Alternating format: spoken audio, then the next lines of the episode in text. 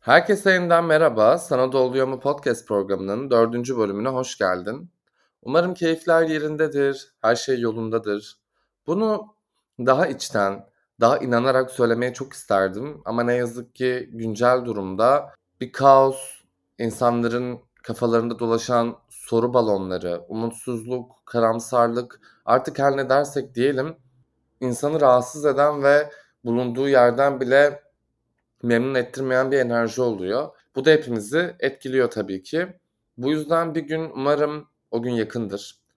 Böyle sırtımıza bir battaniye verirler. Elimize de sıcacık bir kupayla bir kahve ikram ederler ve hepsi geçti derler.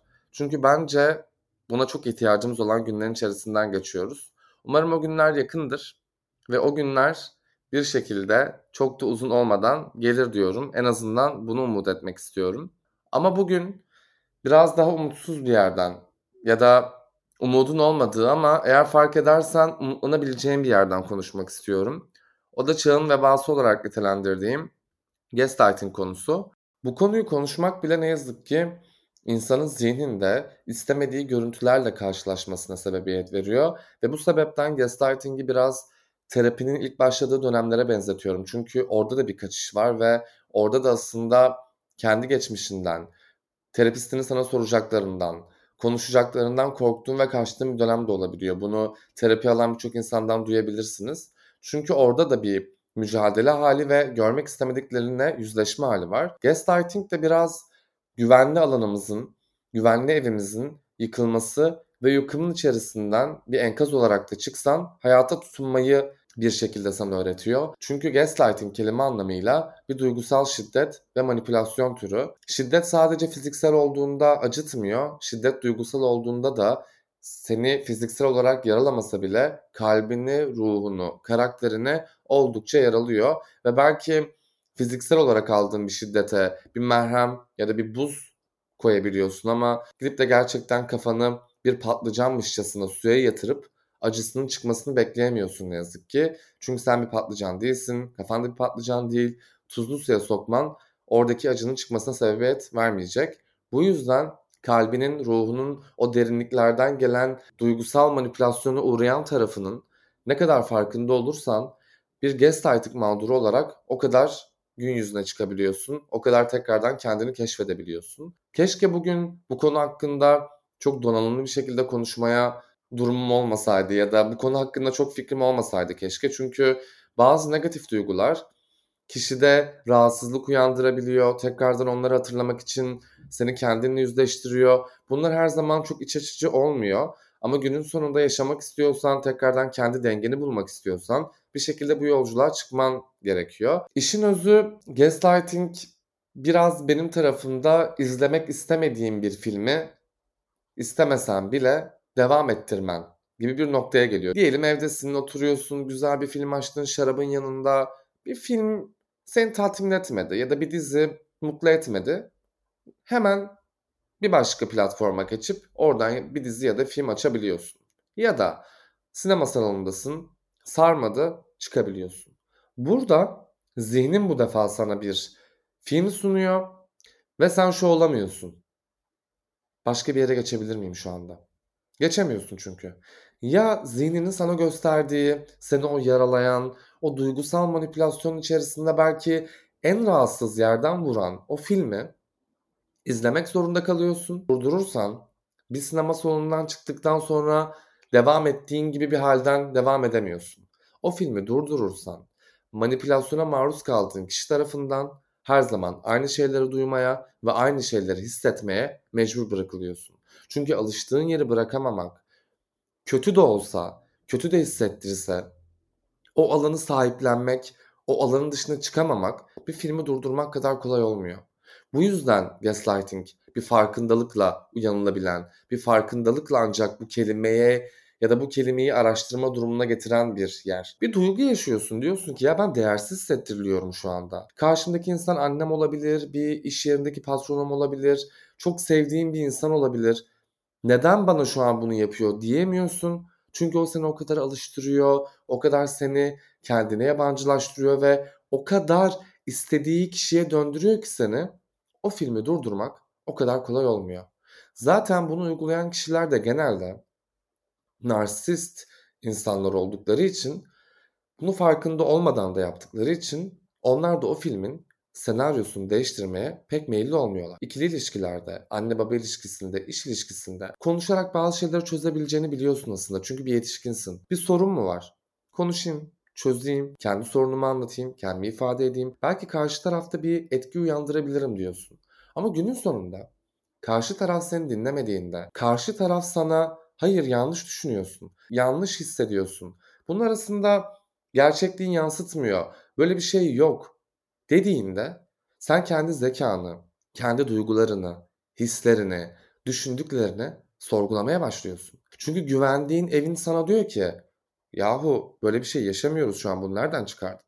E sen de tek başına kaldığında diyorsun ki e gerçekten ben bunu nereden çıkardım ya aslında bak böyle bir şey yokmuş. Şimdi senin bu inandığın yalan seni o insanın dönüştürdüğünde de oradan öyle çıkmak işte gerçekten bir filmi durdurmak gibi olmuyor. Bunun için büyük olaylar yaşaman, belki gerçekten inanılmaz derecede patlaman, belki bir arkadaşının seni fark ettirmesi, belki de o farkındalığa kendin gelmen ancak seni aydınlatmaya ya da senin kafanı açmaya sebebiyet verebiliyor. Bu yüzden gaslighting'i şu an tabii ki işte birçok insan görüyor, okuyor ya da izliyor ama herkes de çıkamadığı için kimseyi eleştirmemek de gerekiyor. Çünkü bunun süresi, bunun cinsiyeti, bunun statüsü, rolü yok. Her yaştan, her insan bunu yaşamaya çok müsait. Çünkü toplumda narsist insan çok. Ve diyorum ya bunu bilinçsiz bir şekilde yapıyorlar aslında. Sen konuşmaya çalıştıkça seni reddeden insan bunu sorgulamıyor. Niye karşı tarafı reddettiğim için? Bu ailede de başlayabiliyor ki ben bunu bu şekilde görüyorum daha çok. Narsist insanlar da belki ailesinden bu şekilde gördükleri için ilişkilerinde de buna yatkın oluyorlar ve bunu devam ettiriyorlar. E belki sen de ailenden sevgi görmedin, belki sen de ailende çok baskılandın, konuşmaya çalıştıkça sus dediler, konuşmaya çalıştıkça, kendini ifade etmeye çalıştıkça ailen bile diyelim seni baskıladı. Sen ilk anlaşıldığın yeri bir durak olarak görebiliyorsun. Ya bu konuda kim kimi suçlayabilir ki gerçekten? Bu şey aklı gibi değil. Bir arkadaşına bir sıkıntını anlattığında, bir ilişkindeki pürüzü anlattığında, iş hayatında başına gelen bir şey anlattığında abi saçmalama ya hemen çık oradan diyebilmek kadar kolay bir yer değil. Çünkü kolaysa gerçekten sen gel çık diyebildiğin anlar da oluyor. Yani o yüzden belki bunu çok arkadaş muhabbetlerinde de dillendirmek çok faydalı olmayabiliyor. O yüzden kişinin kendini buraya bir şekilde getirmesi ya da buraya bir şekilde gelmesi daha faydalı oluyor. Çünkü konu tam olarak sende başlıyor. Desteklenmemiş olabiliyorsun, geçmişin biraz yaralı olabiliyor. İlk gördüğün durakta soluklanmak istiyorsun. En azından biraz anlaşılıyorum diyorsun. Pat. 2-3 ay anlaşıldın. Sonrasında ne yazık ki ve ne yazık ki kurban olarak nitelendirilen gaslighting mağduruna dönüyorsun. Bunu söylerken bile çok rahatsız hissediyorum. Bir insanın bir insanı kurban noktasına getirebilmesi bana çok uzak, çok yabancı bir kelime. Çünkü ben hala neden birbirimize bunu yaptığımızı, neden bu kadar manipüle etmeye yatkın olduğumuzu bilmiyorum gerçekten. Geçmişte travmaların olabilir, sen de zor günler geçirmiş olabilirsin. Herkes ailesinden sevgi görmemiş olabilir, baskılanmış olabilir, sorunu olabilir. Hiçbirimiz mükemmel değiliz. Hiçbirimiz böyle pamuklara sarılıp yetiştirilmedik. Herkesin kendine ait bir travması olabiliyor. Konu kişinin bu travmayı bir başkası üzerinden yaşamaması noktasına geliyor. Yaşama. Git travmanı bir yetişkin olarak kabullen ya da kendinde rahatsız olduğun şeyleri kabullen. Git bunu çöz. Yıl 2022 neredeyse artık. Yani bir yetişkinin yapması gereken tek sorumluluk bu. Hadi çocukken sevilmediğin yerde ağlıyordun, zırlıyordun, işte oyuncak alınmadığında ayaklarını yere vurup ya nasıl almıyorsun diye haykırıyordun. Ama artık o çocuk değilsin. Artık bir yetişkinsin. Bağıra çağıra bir insanı dinlemeden, sorgulamadan manipüle etmek artık sana konforlu gelmemeli. Bu dönemde sizce kişisel gelişim postlarının bu kadar yaygınlaşması, sürekli kendine dön, kendini sev, kendini sahiplen mesajlarının belki her yerde karşımıza çıkmasının temel sebebi ne olabilir ki başka? Çağın vebası olarak nitelendirmemin sebebi bu. Gerçekten bir veba. Hadi Covid'de diyorduk ki bir noktada geçecek, bitecek, aşısı gelecek dedik eve kapandık, kendimizi dinledik vesaire. Bu böyle değil ki. Bunda ne filmi durdurabiliyorsun, ne aşısı var, ne bir şekilde ilacı var ve toplum tarafından çok domine edildiği için de ailede başladığı için de, arkadaşlıkta başladığı için de, işte başladığı için de hayatın her alanında olduğu için manava kadar gitsen bile belki başına gelebilecek bir durum olduğu için çıkamıyorsun. Yani birbirimizi bu kadar böyle enkazlar olarak bırakmamız, sürekli toplumda posası sıkılmış portakalların yer alması beni çok kötü hissettiriyor.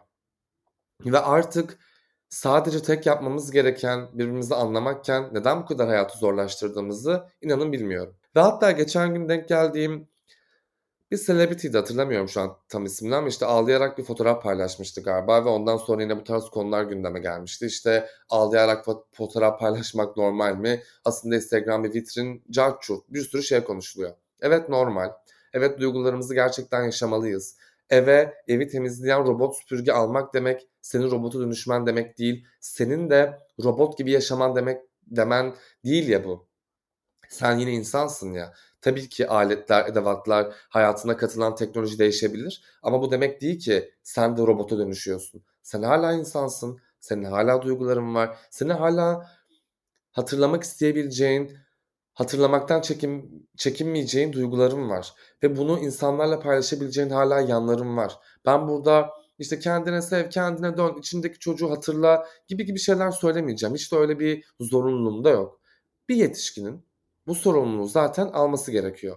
Bir Instagram postundan uyanması değil, kendini zaten bunu aslında fark etmesi gerekiyor. Ama şu an dünya bile bu kadar onu yap, bunu yap, kendine dön diyorsa gerçekten bence artık demek ki işler çığırından çıkıyor. Demek ki gerçekten toplumda bırakılan çok fazla enkaz var ve bunlar bir yığın ve insan yığını. Korkunç olan da bu. Bunları kalbe atıyor, yaşıyorsun. Bunu yapmaya hakkımız yok diye düşünüyorum. O yüzden konuyu böyle çok dallandırıp budaklandırmak da istemiyorum daha fazla ama eğer bir duygusal manipülasyona maruz kalıyorsan, eğer sevilmediğini hissediyorsan, sevilmemene rağmen, değersiz hissettirilmemene rağmen bir işte bile olsa, aile ilişkisinde bile olsa, çok sevdiğin bir insan da olsa, başladığın gibi gitmiyorsa bazı şeyler ve hep senden gidiyorsa lütfen bırak. Diyebileceğim tek şey bu. Çünkü tek bir hayatımız var baktığımızda. Bir tane. Bugün, yaşadığımız gün. Çok da üstüne düşünmeye gerek yok. Hayatı çok ciddiye almaya da gerek yok artık galiba. Çok ciddiye almanın yaşantısını, çok ciddiye almanın böyle insanda tahrip ettiği noktalara hiç gerek yok diyorum. Ve son olarak anneannem ve babaannemden örnek vermek istiyorum. Çünkü hayatımda idol olarak aldığım iki kadın sadece ne yaşarlarsa yaşasınlar gülebilen kadınlar. Hayatımda uyandığım farkındalıklar, deneyimler, her şey bir noktada seni bir yerden uyandırıyor. Ben de 27 yaşındayım ve anneannem ve babaannem ilk defa bu yerden bakabildim. İlk defa gülmenin, insanları manipüle etmeden de o sağlıkla kalabilmenin ki bu insanlar 80 yaşında ne birbirini manipüle etmişler ne birbirine bir zararları olmuş. Sadece ne yaşarlarsa yaşasınlar o duygunun geçici olabileceğini biliyorlar. Ve bu insanlar mindfulness dersi almadılar. Bu insanlar bizim gibi bu kadar içerik görmediler kendileri, kendi yaşamları buna bir şekilde sebebiyet vermiş ya da sadece o şekilde yaşamaya tercih etmişler. O yüzden çok uzak değil. O yüzden sadece eve aldığımız robotu hayatımızda işlevsel olarak kullanalım. Kendimiz bir robota dönüşmeyelim. Bu bölüm biraz yer yer inişli çıkışlı, tetiklenen, tetiklendiren belki bir konuydu. Ama bu konuyla da yüzleşmenin tam olarak zamanlıydı diye düşünüyorum. Umarım böyle bir ilişkinin içerisinde değilsindir. Ama eğer beni dinliyorsan ve şu an böyle bir ilişkinin içerisindeysen orayı zamanla bırakacaksın zaten buna inanıyorum. Ama şu an bırakabiliyorsan en doğru zaman bu zaman. Beni dinlediğin için çok teşekkür ederim. Diğer bölümde görüşmek üzere. Hoşça kal ve gerçekten sevgiyle kal.